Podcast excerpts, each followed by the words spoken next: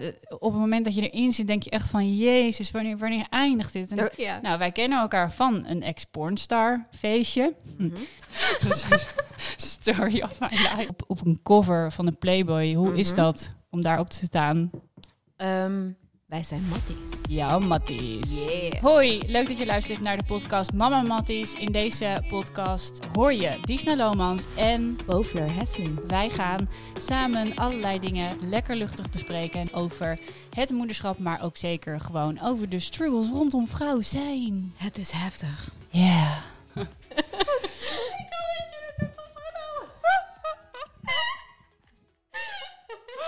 Ik ga mijzelf even voorstellen. Ik ben Disna Lomans. Ik ben moeder van twee kinderen. Eentje van tien en eentje van twee. Halleluja, een peuter en een puber. En tegenover mij zit niemand minder dan Bo. Yes. Nou, ik heet dus Bo. Ik ben 33 jaar en ik heb drie kinderen, drie meiden. Eentje van 3, 5 en 11.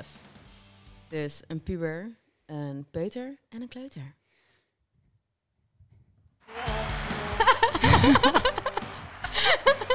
Hey! Ja, dat Yes. is, nee, serieus, dat is wel echt Ja. een applausje waard. Ik, ik collect ze allemaal. Ik heb hier zo'n eh, bord voor me, voor degenen die eh, dit niet zien. Je kunt eh, de podcast ook zien op YouTube, maar als je alleen luistert, ik heb eh, net een nieuw soort road mengpaneel en daar kan je allerlei grappige geluidjes mee tussendoor laten komen. Dus af en toe ben ik een beetje aan het klo- Oh ja. De fancy special Eh, effects. ja, ja. Eh, het is allemaal nog een beetje nieuw, want het is de eerste aflevering van Mama Matties, de podcast. En wat is het nou eigenlijk? Het gaat erover dat we het gaan hebben over de rauwe randjes van het moederschap en vrouw zijn. Maar ook zeker de leuke highlights. En we gaan een beetje lekker luchtig lullen. Yes. En we mogen ook gewoon zeiken. Je weet wel, zoals matties doen tegen elkaar. Gewoon lekker een beetje zeiken over het moederschap. En eh, om de onderwerpen aan te breken, hebben we op Instagram een soort vraag gesteld. En daarbij kon je ehm, ja, eigenlijk stellingen indienen. En ik heb er vier opgeschreven daarvan. Vier die ik een beetje vond passen bij ons. En daar gaan we het over hebben, over deze stellingen. Moeten we nog wat vertellen over onszelf verder? Of ik weet niet. Hmm, misschien als ze bij de onderwerpen aankomen dat het eh, ter sprake komt. ik zie al wat dingen staan waarvan ik denk... Ja, nou ja, om meteen maar met de deur in huis te vallen. We Ja. gaan het hebben als eerst over het is een fase. Het is een fase.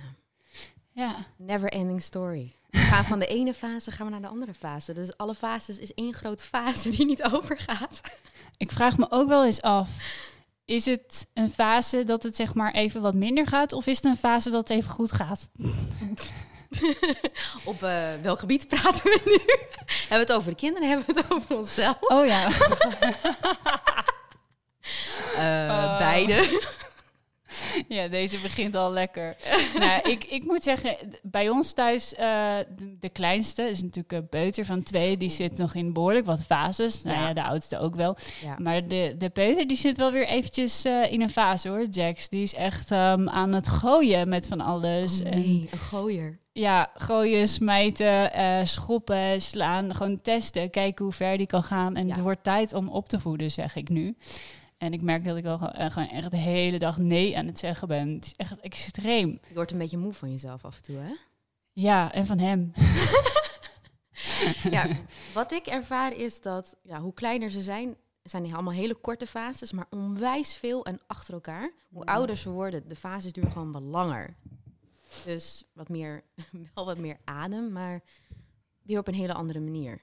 Ja. Ik weet nou niet of het echt, het is een fase, ja, maar wel doorlopend. Hoe Ga- jij daarmee om met zo'n fase? Denk je dan gewoon van, het gaat wel weer over? Kan Ja. je dat? Kan je relativeren? Eh, over het algemeen redelijk, maar er zitten echt wel dagen tussen dat ik echt denk, ja, Want jij bent alleen met drie Ja. kinderen. ja klopt. En nu zit je hier, want nu is het weekend. Nu Ja. heb je dan co-ouderschap. En ja. dan is eentje, Thank God.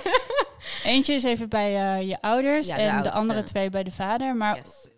ga je dan ook echt helemaal dat je denkt van, ik kan hier weer even opladen? Of is het alsnog gewoon wel druk? Nou, het is alsnog. ehm ik heb altijd een soort van voornemen. Dan is het weekend en denk ik, yes, ik kan nu de dingen doen die ik graag wil doen. Maar uiteindelijk ehm, doe ik niks.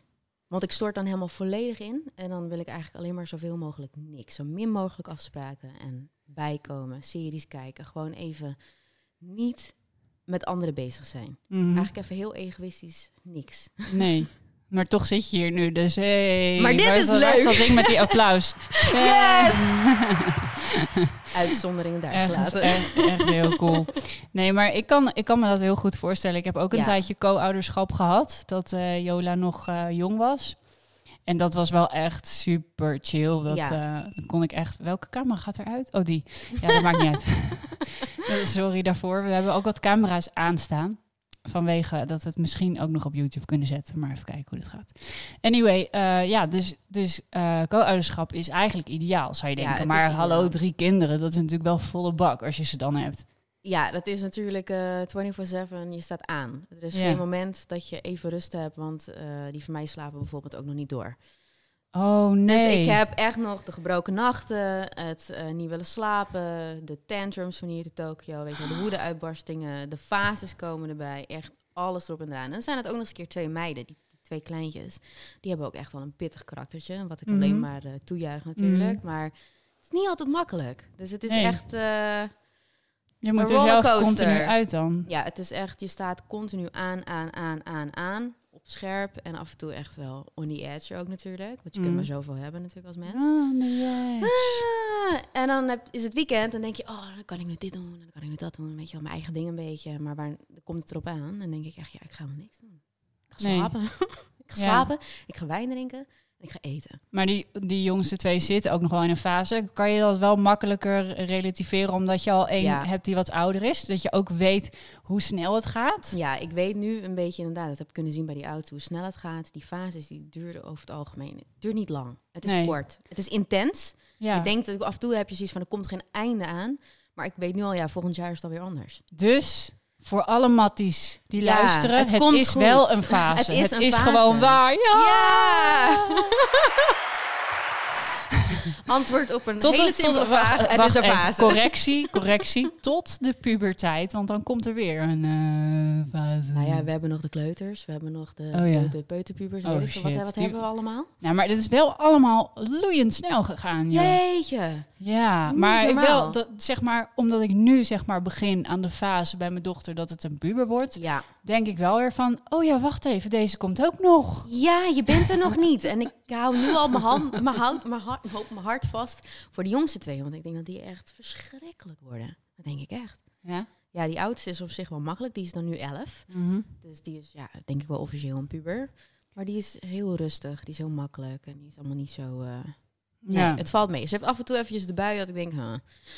Nou, ik begin wel heel erg na te denken over de fases waar ze in zit en hoe ik daar op mijn manier invloed op kan, Ja. kan uitoefenen op een goede manier. Omdat zeg maar dat ik alles wil bespreken en haar eh, gewoon ja, eigenlijk gewoon een, ja, een mogelijkheid wil geven om te weten dat ze altijd alles kan bespreken. Dingen die, die ik zelf bijvoorbeeld best wel moeilijk vond om te Ja, bespreken, om dat wel te dit. veranderen. Ja, dat is een hele belangrijke ding. Want dat- daar denk ik dus zelf ook over na. Omdat ik bijvoorbeeld heel veel dingen niet durfde te vertellen aan mijn ouders. Omdat, ja, niet dat we niet open waren, want ik kom uit een heel open gezin. Maar dat vond Mhm. ik zelf gewoon eng. Dus ik Ja. probeer dat ook inderdaad wel een beetje aan te moedigen van... lieverd, je kunt Ja, maar het is ook een bepaalde tegen schaamte die je eigenlijk door de maatschappij een beetje Ja, opgelegd krijgt. onwijs. Maar ik ben heel blij. Want af en toe komt mijn dochter maar dingen naar me toe. Dan denk ik, wow, dat Oh, durf wat ik goed. echt niet te zeggen. Maar zij vertelt het me dus wel allemaal. Dus daar ben ik heel erg blij om. En ik hoop ook echt dat ze dat blijft doen. En dat ze zich niet laat verleiden, misschien door anderen, door, door, door toch stiekem dingen misschien te gaan doen. Maar dat ze wel alles blijft delen. Ja. Dat heb ik zoveel liever dan dat ze dingen stiekem gaat doen. ja, maar zeker. tot nu toe gaat het allemaal nog goed. Dus eh fingers crossed Ja. dat het ook zo blijft doorgaan. Ja, Maar ik heb ik, ik laatst- vind het wel een enge leeftijd hoor. De, de richting de echte puberteit, weet je wel. Dat ze andere dingen gaan ontdekken. Oeh, zeeborsten. Ja. Hallo. Ja. Ik bedoel, we gaan daarheen, jongens. Ik heb haar Ja. eerste BH gekocht. Ik ja. Oh. Nou, ik ook toevallig laatst voor jou. Ja. Jeetje, dat is wel... Oké, dat is wel Schattig, next hè? level. Ja, dat wel. Ik vond het geweldig. Ik zei, oh, wil je deze, wil je deze? Ze zei vet awkward, mam. Mam. Ja, ik heb een boekje voor, voor eh, Jola gekocht. Dat is van eh, de meiden van Damn Honey. Ken je die? Nee. Dat is een Ik beetje... leef onder de steen, jongens. Ja, ze, Damn Honey, de podcast, eh, die praten veel over feminisme en eh, ja, gewoon eigenlijk alle shit waar vrouwen mee moeten dealen. Maar ze Ja. hebben nu ook een boekje geschreven, speciaal om aan je kind eigenlijk te geven, of voor jonge meiden. Tell me Dus eh, ja, die heb ik nu gegeven aan Jola. En dan eh, af en toe zegt ze wel van, nou, eh, wat er nou in staat. En dan laat ze het zien. Maar het geeft wel een soort van opening om erover te praten. Oh, dus ik vind dat wel goed. Oké, Ja. nou dan moet ik eventjes eh, opzoeken straks. Ja. Dus, en we gaan eh, denk ik eventjes naar de volgende stelling. Want we zijn er wel over uit dat het gewoon, ja, inderdaad, het zijn gewoon fases. Alleen de fases die er zijn, houden nooit op. Dat is een beetje onze conclusie, denk ik. Zelfs wij gaan nog steeds door fases, laten we eerlijk zijn. Dat is zo. Het houdt niet op. Nee. En de ene periode zit je gewoon even wat lekkerder in je vel en de andere Ja. periode niet. En dat hebben kinderen gewoon nog meer. Ja, En eh, ja, dat accepteren. En misschien ook wel kijken hoe je erop kunt inspelen. Zoals, ja, als, als ze vragen om grenzen die worden opgelegd, leg ze dan ook op. ja zeker weten. Het, uiteindelijk komt het daarop neer dat ze dat ook nodig hebben. En ze zoeken het gewoon op. Ja, Die moeten we ook echt geven. yes. Yes. We are the moms. Yes! We are the bitch, we are the boss. Spierballen. Ehm, de volgende, die heb ik uitgekozen omdat die ontzettend bij mij en Bo eh, past. Onwijs. Wij zijn namelijk, eh, ja, laten we het maar gewoon vertellen. Wij zijn ex-pornstars. Ja, ik ben een ex-playmate. Ik Ja. eh, stond altijd poedeltje naakt. En weet, nou, wat is het, 30 bladen in de Playboy. Ja, weet Dus, je dat jij eh, ook een eh, Wikipedia-pagina hebt? ja, klopt. ik, ik, ga hem er, ik ga hem er even bij pakken. Ik ga hem even voorlezen. Ehm, Oh. ja, ik, ik, ik- we moeten misschien eerst even beginnen hoe we elkaar kennen. Dus, Oh, wauw. Dat is een goed verhaal die ik Ja. eigenlijk helemaal niet wist tot vorig jaar. heb ik jou verteld. Nou, wij kennen elkaar van een ex-pornstar feestje. Mhm. En een, eh, voor degene die nu echt denken van... Wat, ik haak af, blijf, blijf hangen, blijf hangen. Er komt, er komt een, heel, een heel bescheiden verhaal uit. Ja. Ehm, dat is namelijk gewoon een organisatie die zo heet. En die organiseren feestjes. En eh, zowel Bo als ik hebben ons allebei laten verlenen om daarvoor te werken. Yes. En eh, Bo hebben ze daarvoor ingehuurd omdat zij ex-playmate is. En zij had een nummertje gemaakt. Ze heeft een Ja. eigen nummer. Jongens, een eigen nummer. Dat is shit. En ik mocht figureren in haar nummer, hè. Dat is echt vet, man. Alleen, ik had daarvoor ook. Wilde tijden. Ja, ik was danseres. En ik had daarvoor ook gefigureerd in een ander eh, nummer van een andere ex-playmate. En Oh. ja, toen, toen kwam Bo in één keer aan en toen zei ik, ja, eigenlijk vond ik die andere playmate veel leuker. Maar ik had niet in de gaten dat Bo achter mij stond op dat moment.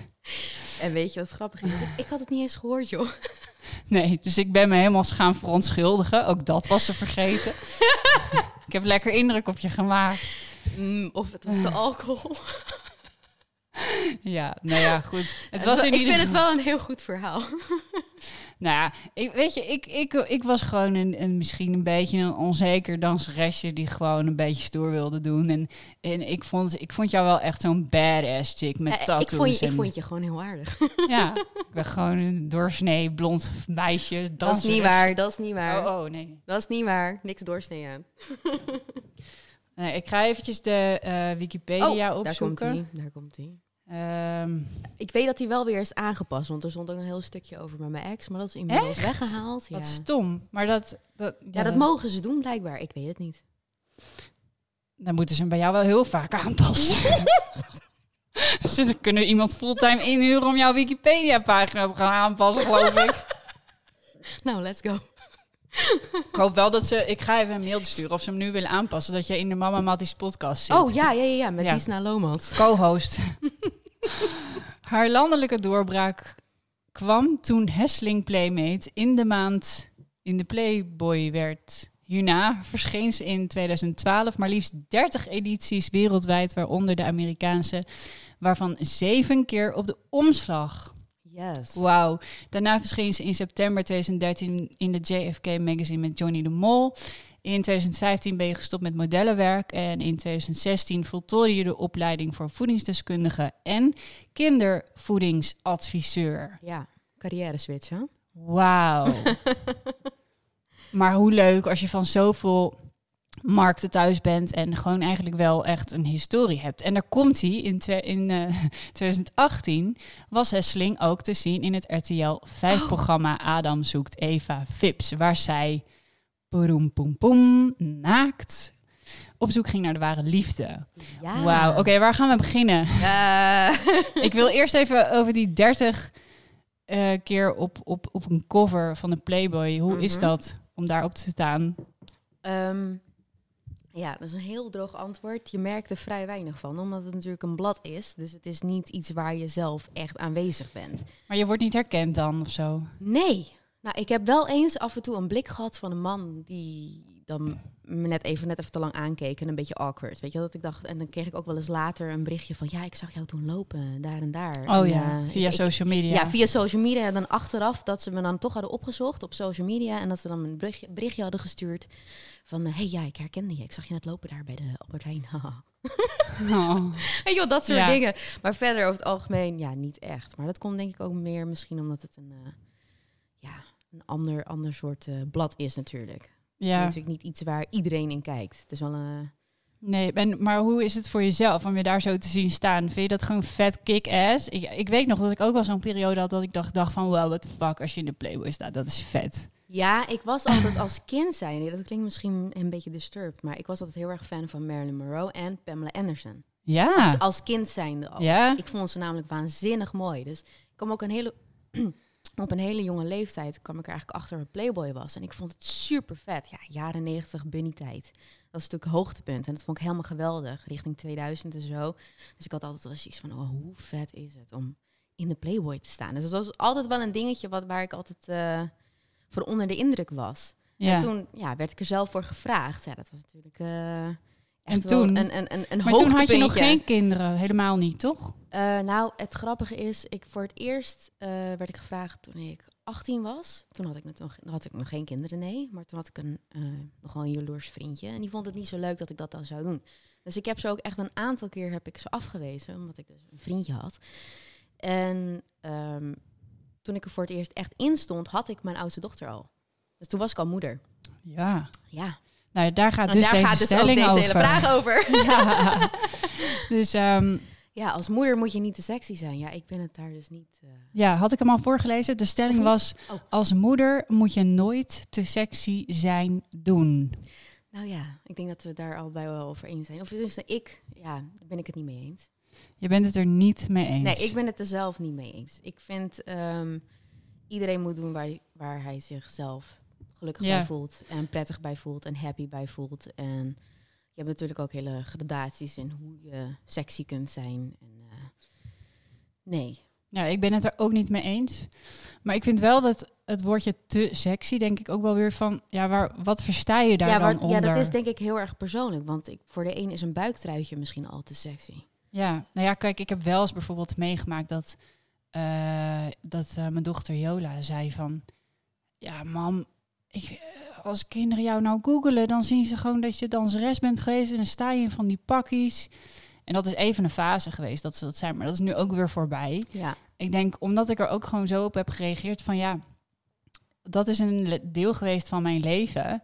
Ehm, en dat was op dat moment zo. Dat vond ik toen leuk, toen ik en ook helemaal was. niks mis mee om iets van huid te laten zien, denk ik. Denk ik hoor. Ja, het is helemaal denk ik waarom je dat zelf wilt en waarom je dat op dat moment hebt gedaan. En kijk, als dat op een bepaalde slechte manier is, dat, dat iemand jou heeft gedwongen daartoe, of dat je, het, de- ja, dat je het eigenlijk vanuit een soort onzekerheid hebt gedaan, dan denk ik nog heel van, nou, ander dat is misschien een ander verhaal. Ja. Maar bij mij was het echt gewoon, ja, gewoon dansen. eh, Dat is gewoon mijn passie. En eh, Ja. ja, I like it. Let's Ja. go. Ja, nee, ja, ik denk er hetzelfde over. Ik denk als het echt eh, iets is omdat je er zelf heel erg gelukkig van wordt en heel blij van wordt. En het is echt, het, het hoort ook bij mijn persoonlijkheid. Ik heb dit altijd al interessant gevonden. Wat ik al Mhm. zei, Marilyn Monroe, Playboy, eh, eh, Pamela Anderson. Dat vond ik altijd, waren altijd soort van iconen voor mij. Dus ik ben nooit vies geweest van naakt of, of van een vrouwelijk lichaam of van, weet ik. Ik heb, daar nooit, ik heb dat nooit een issue gevonden. Ik had zoiets van, wat is daar mis mee? Het is prachtig. Ja, It's a piece of art. Dus, ja. dus voor mij is het, ja, waar En moeten je mag het zelf weten. En dat En is wat je is wilt doorgeven aan je, aan je kinderen. Dus ze mogen het Ja. zelf weten hoe En ze ik- erbij lopen, wat ze doen. En Ik denk dat dat ook een stukje feminisme juist is. Dat je zelf de keus maakt wat je doet. Ja, het niet iemand anders voor jou bepaalt van... hé, hey, eh, je bent nu moeder, je mag je nu niet meer eh sexy kleden. Of je moet je nu eh, van top tot teen in, in een mantelpakje Inderdaad. Je hoeft niet in dat, in dat hokje gaan zitten, te gaan nee, zitten. Als je dat, hokjes, weg ermee. ja. Maar ja, als we het gewoon over hokjes gaan hebben, dan gaan we Oh, nog wel even door. Vreselijk. Want, want ja, je, je hebt dus zeg maar inderdaad deze tijd gehad.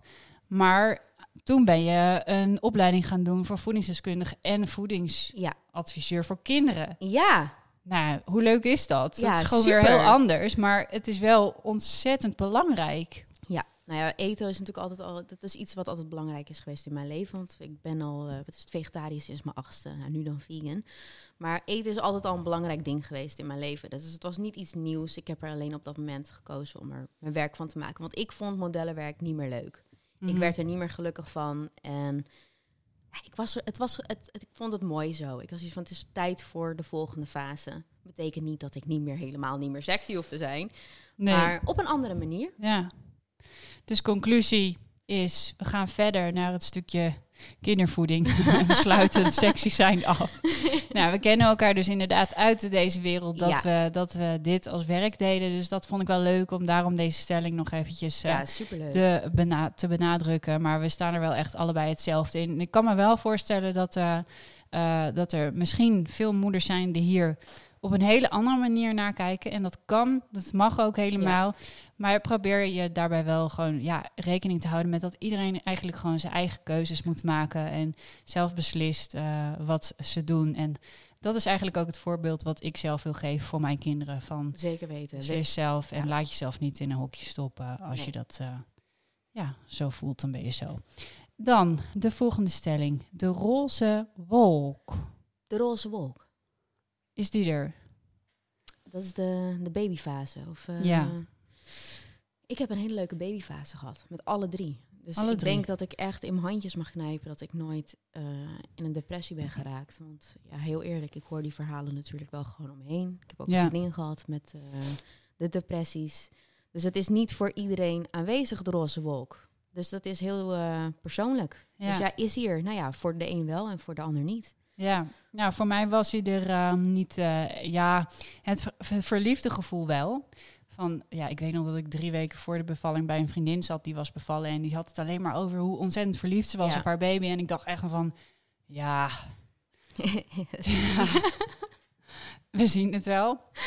En toen was, eh, toen was ik eenmaal bevallen en toen dacht Ja. ik echt wel van ja, ja, I get you. Dat, dat hele verliefde, dat is gewoon, dat is denk ik die roze wolk ja. voor mij dan. Maar eh, zodra de eer, het eerste gekrijs begon tussendoor, eh, was die wolk voor mij echt heel snel een dikke vette regenwolk geworden, waar ik ook heel lang op heb gezeten. ja. En ja, dat wil ik zeker niet, niet wegwuiven, want dat was echt wel een hele zware periode met heel veel huilen. En bij Jola vond ik dat ook wel pittig. Maar toen was ik nog jong en ja, je romantiseert dingen natuurlijk ook achteraf heel erg. Dus misschien ben ik dat ook wel een beetje vergeten. Maar, Ja, bij maar Jax, ieder, ieder kind is ook anders, hè? Ja, Kijk, ik heb nooit huilbaby's gehad. Dus nee. wat dat betreft, ik ken dat niet. Maar ik kan begrijpen dat als je een kind hebt die continu aan het huilen is, dat dat moet verschrikkelijk zijn. Ja. Dat, dat, is, echt... maar je vooral je machteloos, denk ik. Ik denk dat je heel erg machteloos voelt, ook als moeder, omdat je dan zoiets hebt van, ja, wat, wat doe ik verkeerd? Ja, ja wat dat wat kan ik doen? Wat is er aan de hand? Want ze kunnen niet praten. Nee. Ja, ik heb echt weer meerdere keren bij de huisarts gezeten. En dan was het weer reflux. En dan was het weer een voorkeurshouding. En dan moest ik weer naar een osteopaat. En dan moest ik weer naar een fysio. En dan had hij weer eh, ritmeproblemen. Dan had hij weer overprikkeldheid. Alles is voorbij gekomen. En het zag rust allemaal wel. Maar ja, ik denk dat ook heel veel gewoon samenhing met mijn eigen stress. En dat, dat kon ik gewoon niet oplossen, omdat het continu dat huilen. En ik heb nu nog steeds na die, die eerste, nou, ik denk dat het eerste jaar wel het heftigst was. Dat als hij nu weer begint te huilen, dan komt dat gevoel weer een beetje terug. Dan Het trekt het meteen trigger zo. eigenlijk. Ja, ja, het is Eigenlijk echt. zou je ervoor een eh, EMDR-therapie voor moeten krijgen. Een soort Ja. traumaverwerking. Ja, het is gewoon eigenlijk Ja, maar het is een soort- trauma. Ja, dat, is ja, het ook, zeker. dat is het ook echt. Het is, het is ook als ik andere baby's hoor huilen, dan heb ik ook zo'n heel dubbel gevoel. Aan de ene kant denk ik dan van, oh fuck, ik voel het weer helemaal. Ja. En aan de andere kant heb ik ook een soort van opgelucht gevoel. Dat ik denk van, oh, andere baby's huilen ook, weet je wel. Het was Ja, niet alleen maar mijn baby. Nee. Ja, Ja, dat lijkt me wel heel, heel heftig. Ja, ook Ja. dat. Maar dan dan weer dan terug is naar het die, is een eh, fase. Dan is die roze wolk weg en het is een fase. Die fase gaat wel, het, gaat wel voorbij, want het zijn Ja. wel echt ups en downs. En ja, de- op het moment dat je erin zit, denk je echt van, jezus, wanneer, wanneer eindigt dit? En, Er- het voelt ook echt alsof er geen einde aan komt. Want Mhm. iedere minuut duurt natuurlijk 10 minuten voor je gevoel. Dus een Ja. dag, jeetje. Ja, en voor iedereen die nu denkt van, ja, neem dan geen kinderen. Ja, dit zijn dus gewoon dingen, je romantiseert het, je vergeet het. Dus het is, achteraf is het allemaal niet zo Ja, maar erg. dat is wel heel makkelijk praten. Neem dan geen kinderen. Ik bedoel, niet, niet ja, maar alles dat is, wel alleen zo'n maar zinnetje leuk. die ik vaak hoor, hè? Ja, dat echt vind ik een beetje niet kort- normaal. Kort door de bocht. Ja, maar dat is echt, dat zijn waarschijnlijk ook hele jonge mensen die dat zeggen, die misschien nog geen kinderen hebben, maar dat, Ik dat kan me niet, al- ik kan me niet zeggen. voorstellen dat er moeders zijn die dat zeggen. Nou ja, ik had wel. Of dan moet je een heel makkelijk kind hebben en nooit echt een hele challenging eh, eh, situatie hebben meegemaakt. Dat kan, want je hebt natuurlijk kinderen die echt heel makkelijk zijn. Gewoon door alle fases heen. Ja, ja. Ja, ja, je hebt natuurlijk ook in die coronatijd, eh, dan komt er in één keer heel veel op je dak. En Ja, zeker, zeker. Als, jou, als jouw kinderen normaal gezien vijf dagen op school of op een opvang eh, zijn.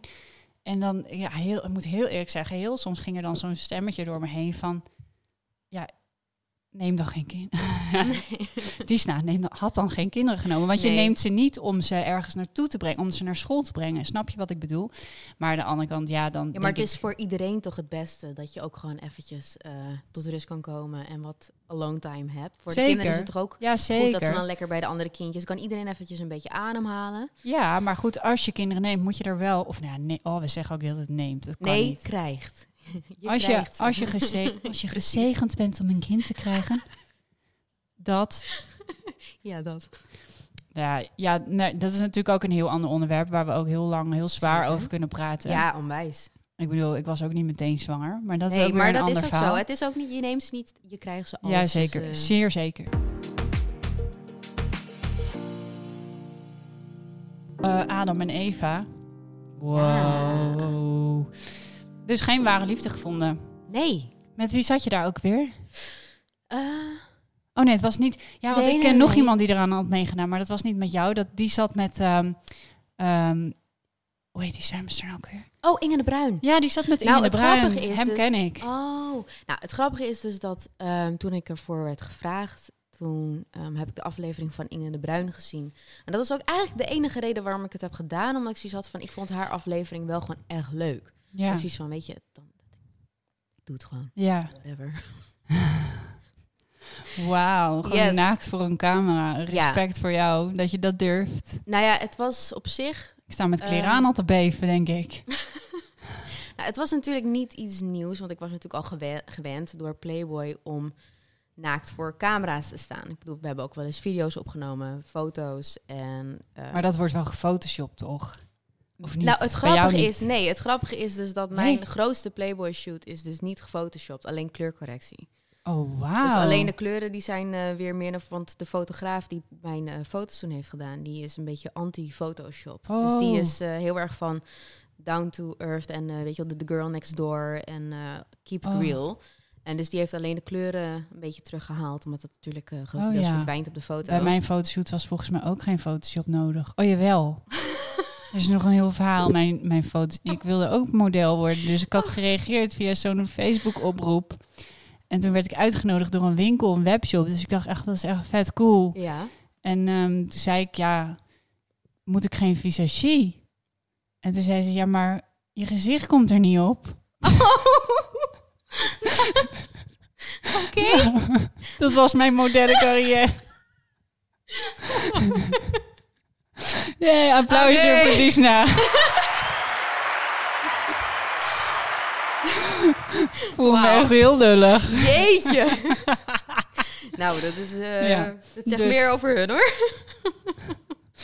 nee, het grappige is dat diezelfde fotoshoot is dus ook gebruikt voor de Amerikaanse bladen. En daar ben ik wel gefotoshopt. Maar niet mijn huid of mijn gezicht of wat dan ook. Nee, wat ze daar hebben gedaan. Ze hebben daar mijn boobs groter gemaakt. In Amerika. In die vonden ze dus te klein. Wauw. Ja, want daar is natuurlijk de hele body image, de hele, eh, het, het, het beeld van hoe een vrouw eruit moest zien toen de tijd, was heel anders dan hier. Hier was het allemaal keep it natural. Ja. Daar was het allemaal, ja, grote boep, siliconen en, Oh. en zo fake eh, als het maar kan. En was dat ne- echt eh, dus Europa of Nederland wie die het gewoon zo hield? Ehm, Of was er niks in Europa, alleen Nederland en Amerika? Eh, nee, nee, nee, wel. Ik heb ook eh, Zuid-Amerika gehad. Die hebben niks gedaan. Oh. En ik heb ook de Oostbloklanden gehad. Die hebben ook allemaal niks gedaan. En Mm. ehm, nee, het enige landje die er wel wat aan heeft gedaan is Amerika. Nou. Die hebben mijn boobs groter Maar gemaakt. dat is ook wel weer echt Amerika, joh. Ja, joh. Dus ja. Hmm. Toen ik dat zag, dacht ik ook echt... Wat hebben ze gedaan? Ik vond het ook gewoon echt lelijk. Ik vond het niet mooi. Nee? Nee. Dus jij hebt jouw echte borsten nog geen... eh, Nee, nee, eh, nee, nee, nee. nee. Ik heb niks gedaan. Ah. Nee, nee, nee. Pearl Natural in de Playboy. Ja, ik, ik durf het ook niet. Nee? Nee. Oh, dat heb ik al vaker gehoord. Snap ik ook wel. Ik bedoel, er wordt ben- ja. zoveel gezegd. En, Nou ja, eh, ik ben... En inderdaad, omdat er nu natuurlijk wel weer allerlei nieuwe onderzoeken zijn gedaan. En er zijn Ja. toch echt wel heel veel vrouwen die er toch niet zo heel erg goed tegen kunnen. ja. Meer dan dan je denkt. En ik ben ook gewoon bang ehm, dat ze er minder mooi uitkomen. Dat ik nu alles een beetje, ja, dat ik het gewoon niet zo realistisch zie en dat het allemaal wel meevalt. En als ik er dan iets aan laat doen en dat ik het dan echt denk van shit, wat heb ik gedaan? Wat Ah. heb ik gedaan? Maar die tijd hebben we toch ook wel gehad? Het hoeft niet. Om je daarmee bezig te houden. nee. Het enige, misschien ooit, dat ik denk van, oké, die oogleden, weet je wel, nu Oogleden, ja. hangen, waar ik helemaal gek van Ik word. zie het bij jou helemaal niet. Niet? Nee. Nou, ik voel het. ja, ik ook. En Ik dat ook. vind ik, dat Vooral vind ik nu, misschien naar nog wel één wijntje. Toch die wijn, hè? Nee, ik heb één ooglid, die hangt erger dan die andere. En Oh ik ja. irriteer me eraan en ik voel het. En af en toe klapt die dubbel. Dan denk ik, Ja, ja, wat vervelend voor je, joh. Ze keihard lachen. ik moet zo hard. We gaan Zo droog. Nee, maar goed, dat is. Ja. Ja. Misschien kunnen we een soort bundelkorting krijgen. Ja. ja. Kom, laten we met z'n tweeën Gaan- zielig doen. Maken we er wel een video over. Oh, misschien wel. Mogen we dan gratis, denk Mogen je? we dan gratis? Want cheapskates We willen Nederlanders wel, willen wel, de beste, we wel de beste kliniek, hoor. voor een dubbeltje eh, op de voorste rij. Nou, misschien wel. Nee, maar ik vind het toch eng. Het is toch je gezicht. Het is toch eng. Ja, maar ik Zegt degene die al, ik weet niet hoeveel heeft gedaan, maar toch. niet. ja, ja, ja, ja. Oh. Ja. Nou, ik weet wel, je hebt toen de plexer gedaan. Oh ja, de plek. Oh, Plexer! Ja, dit zouden we ook allebei en ik samen zou doen, het toen gratis. ook doen. Ik had toen een afspraak. Ik Ja. had toen een afspraak staan. Ja. En toen was ik zwanger van mijn tweede Ja, kindje. dat- En toen mocht het niet meer. ja, dat was ook geregeld door iemand van Explore the Star. Sietske. Oh, Sietske. Oh ja, wauw. Dat is de, de Ja. verbouwvrouw. Sietske de verbouwvrouw. Ja, zij heeft wel veel gedaan. Mooierworden.nl, toch? Eh, Ja, wie mooi wil zijn. wie mooi wil zijn. Ja, dat is het. Wie, Wie mooi mooi wil wil zijn. zijn. Wie mooi wil zijn, moet pijn lijden. Ja. Nou, dat is dus echt ook weer zo'n... Nou, dus een mooi bruggetje naar de volgende. De laatste stelling die we hebben. Ja. Anticonceptie is voor de vrouw. Hmm. Wat vinden we Er is al genoeg voor de vrouw. Ja. Jongen, jongen, Maar aan de andere jongen, kant, want ik heb hier dus heel grappig. Van de week heb ik hier dus over nagedacht. En ik heb verschillende meningen daarover gehoord. En ik ben het met beide eens. Dus één, ja, want het is mijn lijf. Dus ik ben verantwoordelijk met wat er met mijn lijf gebeurt. Ja, Dus dan heb ik mijn verantwoording daarvoor. Dus als ik geen kinderen wil, dan ben ik degene die daarop moet letten. Maar aan de andere kant, een man die kan, wat is het, in een week of in een dag zes vrouwen bezwangeren. Dus dan zou het ook bij hem deels moeten liggen. Maar moeten we serieus? Man vertrouwen? dat hij ook echt de verantwoordelijkheid, Nou ja, het is- verantwoordelijkheid neemt met dat? Ik ver- nou nee. maar stel je zit in een vaste relatie, je hebt al drie kinderen, en je denkt nou, hé hey Bassie, en dan is het voor jou nog steeds. Nee, niet in een relatie. Ik ben, als ik al alles heb eh, doorstaan met eh, de zwangerschappen, de bevallingen en we zijn het beide over eens dat we geen kinderen meer willen, dan Mhm. eh, stop ik met de pil en dan laat jij je steriliseren. Mhm. Dat is mijn mening. Ja.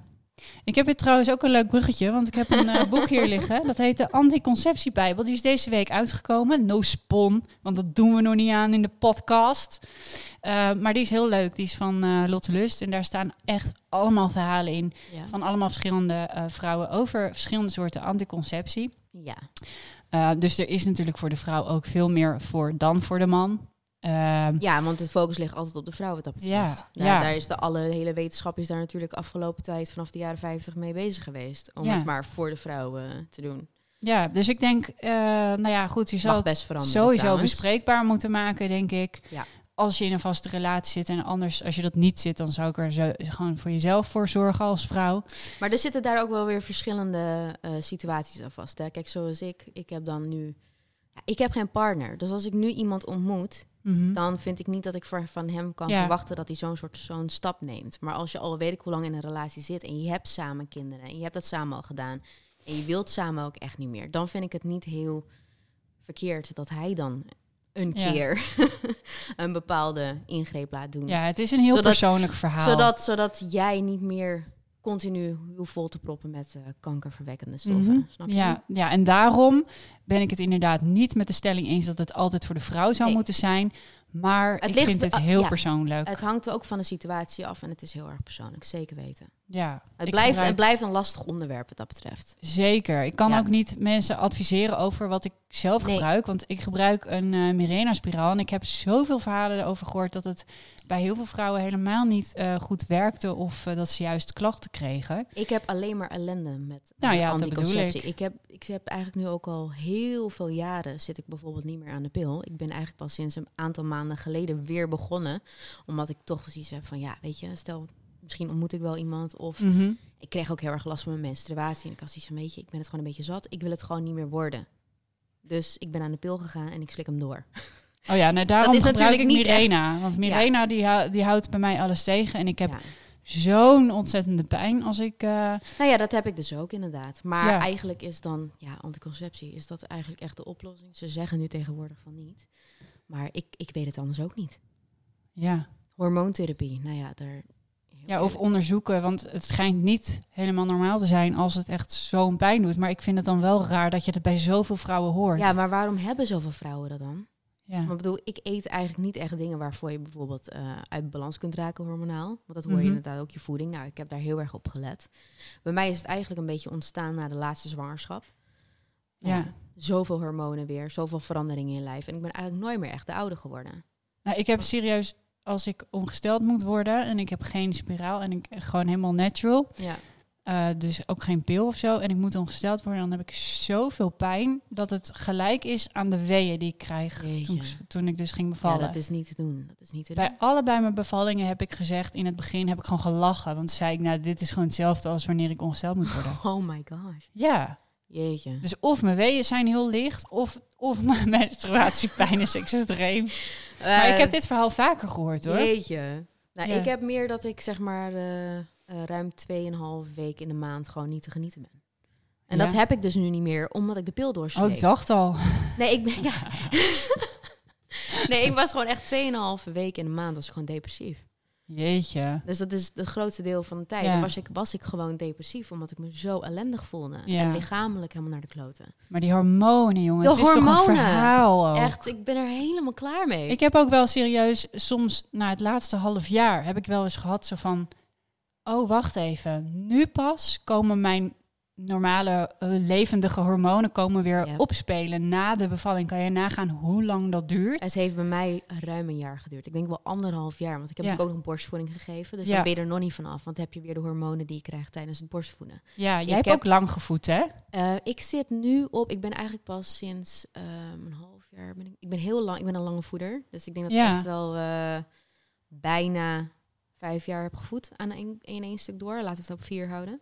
Ja, volgens mij heb ik jou daar ook nog wel eens berichtjes over gestuurd. Omdat ik, Ja. ik bij mij was het zo'n doorzetten. Ik heb het wel gedaan hoor, maar ik heb borstontsteking gehad en doorzetten Ja. en tepelkloven en weet ik veel wat allemaal. Het is dus ik had pretje. even steun nodig van Ja. vrouwen die het echt lang deden. Ik dacht, dat ik was ik wel een lange voeder, ja. Ja, goed, man. Nou ja, weet je, het is voor iedereen Lekker. weer anders. Ja, het werkte voor mij. Dus dan was het ook de juiste keus. Maar als je er continu alleen maar ellende mee hebt, Nee, ja, dat is een ander dat moet je ook niet willen.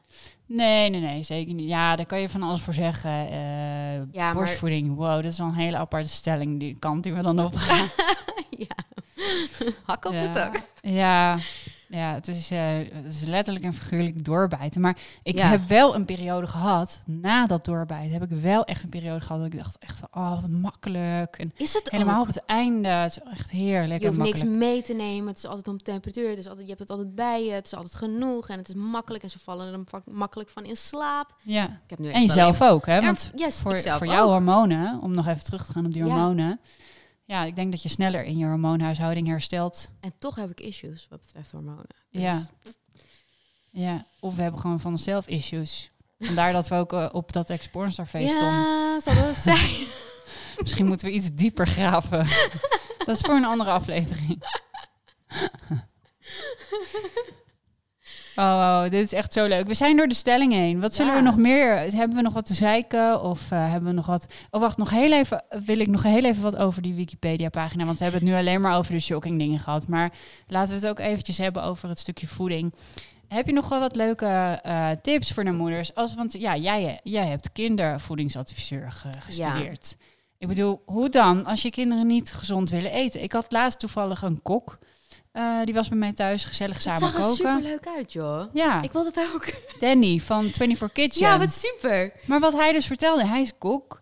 En hij zei, ik zei, nou dat is toch top. Kan je lekker gezond eten maken voor je kinderen. Hij zegt, nou, mijn kind wil dus niks. Ja, maar wat doe je dan? Jij, ja, jij bent de expert hierin. Wat doe je dan? Nou ja, eh, ik heb hetzelfde verhaal, want ook ik ben dan zeg maar de hobby eh, chef-kok, zeg maar. En ehm, ik heb dan geleerd met kinderen en voeding, dus ik weet precies wat ze moeten hebben. Mhm. Maar ja, als jij kinderen hebt die gewoon echt niet willen eten, dan kun je op je kop staan. Kinderen willen niet eten. Dus ik heb exact hetzelfde, exact hetzelfde probleem. Ik kan koken wat ik wil, de meest kindervriendelijke gerechten wat ik wil. Ze eten het niet. Hè? En wat Maar ik heb hoort dat dan niet bij, de, bij wat je leert? Dat, Oh, wacht. Het is een fase. oh, dat snap ik. Ja, want, dat, mijn, zo. want mijn middelste dochter, die at tot eh, haar tweejarige leeftijd, at ze alles. Van ratatouille Mhm. tot weet ik veel wat voor gerechten. Echt dingen die kinderen nooit willen eten. En in ene was het over. Alles wat er ook maar een beetje anders uitziet, dan eh eh, wilt ze het niet. Ze eet ook niks met sausjes. Dus die eet een kale pasta. Echt dat je denkt, why? Ja, Maar eh, wat ik heb geleerd is dat je vooral niet moet pushen. Want dan Nee. creëer je alleen maar eet-issues en eetproblemen mee. Het moet geen straf worden dat je met elkaar aan tafel zit. Aan tafel zitten is ook een, een, een moment van samenkomen, Relaxed, ontspanning en relaxen. ja. Eten moet namelijk geen straf worden. En dat is heel belangrijk om dat te blijven onthouden. Je kunt natuurlijk altijd blijven e- eventjes proberen van... Lekker blijven dooreten. Het is goed voor je. Leg het uit hoe belangrijk het is. Maar als ze het echt niet willen, niet pushen. nee. Dan is het toch echt even van, ja, het is niet anders. Ja. Ja, je denkt dan, je, weet je, het is gewoon, je, je weet het allemaal wel, maar het is op dat moment is het zo. Jax was bijvoorbeeld ook te dun. Elke keer bij het consultatiebureau kreeg ik te horen, ja, Ja, hij is nou, te dun en we moeten het nu echt in de Consultatiebureau is gaten weer houden. een ander onderwerp. Ja, consultatiebureau is een hele goede stelling. De mensen met Die de was ook voorbij gekomen, maar die bewaren Oh. we. Nou, Maar anders zitten we hier nog heel lang. een uur. Nee, maar dat is wel een extra stressfactor als je denkt, als je dus al denkt van mijn kind moet eten en dan ga je, ja, eh, en het lukt niet. Godverdomme. Korreltje zout. Relativeer. Het komt goed. Korreltje Het zijn- zout. Ja. Ja, geeft meer smaak aan het eten. Nou, dat zeker. nee, maar probeer je niet te druk te maken. Ik snap dat het eng is, zeker ook als je dan van een consultatiebureau, weet je wat, bureau die heel veel moeders onwijs onzeker maken, te horen krijgt dat je kind te dik is of te dun, vooral te dun. Mm. Weet je wel, oh ja, hij moet eigenlijk een beetje, hij zit net onder het leentje. Kijk naar je kind. Ziet hij er gezond uit? Is hij happy? Gaat het oké? Kijk daarnaar. Ja, Eet het gewoon over het algemeen, ja, prima. Kijk, Ja. als het kind echt helemaal nooit wil eten, ja, dan is, lijkt het me wel verstandig om naar een arts te gaan. Maar over het algemeen, als het kind gewoon moeilijk doet met avondeten, ja, niet te druk om maken. Mhm. Blijf Ja, zeker. ook voor jezelf. ja. Vooral ook voor jezelf. ja. En, Weet je, en- dan smeer ik maar weer een broodje volkoren broodje met pindakaas hoor. Geen probleem. Nee, gewoon lekker... eh, Fase, het gaat weer over. Ja, en in het begin, hè, dat zou jij dan misschien ook wel weten. Kun je ze dan verpesten? Want wat jij nu zegt, van nou dan geef ik een broodje met pindakaas, is het dan... En ze gaan daar de volgende Dat heb je wel, nee, maar dat heb je wel snel door. Of het echt eh, zeuren is omdat je ze aan het verpesten bent, of omdat ze Mhm. het gewoon echt. ehm, ik kan het bij mijn dochter bijvoorbeeld echt wel goed zien. Die heeft echt iets met sausjes en dingetjes. En die het lijkt wel een soort angst. Mhm. Zodra het ook maar een beetje anders uitziet of met sausjes of wat dan ook, dan wordt ze gewoon echt. Ze wil het gewoon echt niet eten. Ja, Ja, er zit wel een verschil in van, oh, van ik hoef nu alleen maar even dit te doen en dan krijg ik nu dat broodje. Dan heb ik precies van, ja, dag. ja. Krijg je straks zo niet je toetje of je dingetje of je dat. Ga Ja, maar ik lekker weet eten niet. Ik, gewoon. ik denk dat het soms ook, eh, dat denk ik hoor. Ik ben echt geen eh, deskundige op dit gebied, maar dat het misschien goed is om zelf ook gewoon veel te eten en ja, gewoon het goede voorbeeld geven. En Ik- al, ze- begin ze bij kijken jezelf. naar jou. Ze kijken Altijd gewoon. beginnen bij jezelf. Ja. En wat ik dan bijvoorbeeld ook doe, is wij eten bijvoorbeeld ook wel regelmatig, gewoon regelmatig door de dag heen. Gezonde dingetjes. Dus dan maak ik me ook al iets minder druk met die zogenaamde heilige avondeten. Want dan kijk ik van, oké, maar wat hebben ze overdag eigenlijk allemaal gegeten? Ze heeft fruit op, ze heeft dit op, ze heeft dat op. Weet je, de avocado's en de zus en zo. Dan heb ik precies van, dan ga ik me geen zorgen maken om de avondeten als ze dat dan een keertje niet wil. Ja, Of wat meer issues mee heeft. Want ze houdt dus op dit moment in haar leven niet van warm eten. ja, Ja, dan, ja, dat gaat weer over. ja. Wel lekker hoor, dat je dat ook allemaal lekker alleen kan bepalen. Ja, het is natuurlijk lastig als je dan met iemand in huis zit die er anders over denkt. Maar eh, een kind in een houtgreep nemen en dan een lepel met eten naar binnen proppen, dat is niet echt heel Nee, erg, eh, laten we het zo zeggen, dat- pedagogisch verantwoord. Daar zijn wij het ook wel over eens thuis, maar ik heb wel soms dat... of niet eh, van tafel tot je bord leeg is. Ja, dat zijn allemaal Oh ja. een beetje van die achterhaalde dingen. Ja, dat, dat, Beetje dat ouderwets. kan, ja, dat kan echt wel issues opleveren. Een Ja. soort van negatieve relatie met eten. Dat Ja. wil je niet. Nee, ik heb soms met Bart, dan pakt hij rustig een ijsje of zo en dan gaat hij dat gewoon zitten eten. En dan zegt hij, ja, nee, jullie mogen niet. Fucker. ja, dat is, dat is gewoon vraag om gezeur. Ja, dat is wel Niks een beetje... het komt niet ergens triggeren. zomaar vandaan dat moeder stiekem chocola in de, ergens in een hoekje staat te eten. ik, had ook, ik had ook laatst twee vriendinnetjes die waren bij Jola spelen. En eh, die zeiden, ja, mijn moeder die verstopt altijd de chocola. En ik weet waar ze het verstopt. Toen dacht ik, oeh, you bastard. I Ik zit ook wel eens in de voorraadkast hoor. Trek je zo'n Ja. chips over. Even chips naar binnen. En dan, proppen. mama, eh, nee. Niks hoor. Niks hoor. Pak jij iets? Nee. Wat? Nee, mijn kind zegt dit. Kom naar me toe. Wat heb je in je mond? Ja. Doe je mond eens open. Wat heb je in je mond? Niks hoor. Niks. Ik heb niks in mijn mond. En brood. Erg dit. Oké, zo gaan we denk ik de podcast afsluiten Ja. met dat het gewoon super erg is allemaal. Eten blijft gewoon lastig met kinderen. Klaar. Ja. Maar ja, er zijn ook succesverhalen. Jola, die, Tuurlijk. eh, die eten alles nog steeds. Mijn oudste dochter eet ook alles. Die wil ook alles proberen. Ook al vindt ze het wat minder lekker. Ze doet het gewoon. Dus weet je, Ja. ieder kind is natuurlijk ook gewoon anders. Ja. En inderdaad, let it go. Alles staat in verband met elkaar. Om nog even terug te komen op alle stellingen. Het, is, een fase. Je moet nooit te sexy zijn als moeder. Kijk maar naar ons, dan eindig je zo. Ehm, als je op een roze wolk wil zitten, dan... eh, ja, dan Neem eh, geen kinderen. Nee, nee, nee, die is, die is er echt wel. Maar ook die roze wolk is maar een fase. ja. En eh, ehm, anticonceptie, daar is een heel boek over geschreven. Dus, Nee. ehm, ja, Bo, super bedankt dat je er was. Ik vond mijn het hartstikke co-host. leuk. Ik vond het echt helemaal super. Ik, ik, hoop, ik hoop eigenlijk stiekem dat je vaker wil komen. Zeker weten. Maar moeders hebben altijd weinig tijd, dus we moeten nog even kijken of dat gaat lukken. Komt goed. Ik hoop dat eh, eh, mensen die dit kijken of luisteren, allemaal eventjes laten weten of eh, wij met Mama Matties gewoon lekker door moeten gaan. Yes. Of er nog nieuwe leuke stellingen zijn die we moeten bespreken. Of Bo nog vaker terug moet komen. Of wij sexy mogen zijn als moeder. En geef een duimpje omhoog. Of, Of, laat dat ik het helemaal verkeerd doe met het eten. Ja. Mag allemaal eh, gezegd worden, maar eh, ja. ehm, wees lief voor elkaar. Doe, eens- doe eens lief. Dus dat. Dank jullie wel voor het luisteren of kijken. En tot de volgende keer in de nieuwe Mama Mattie!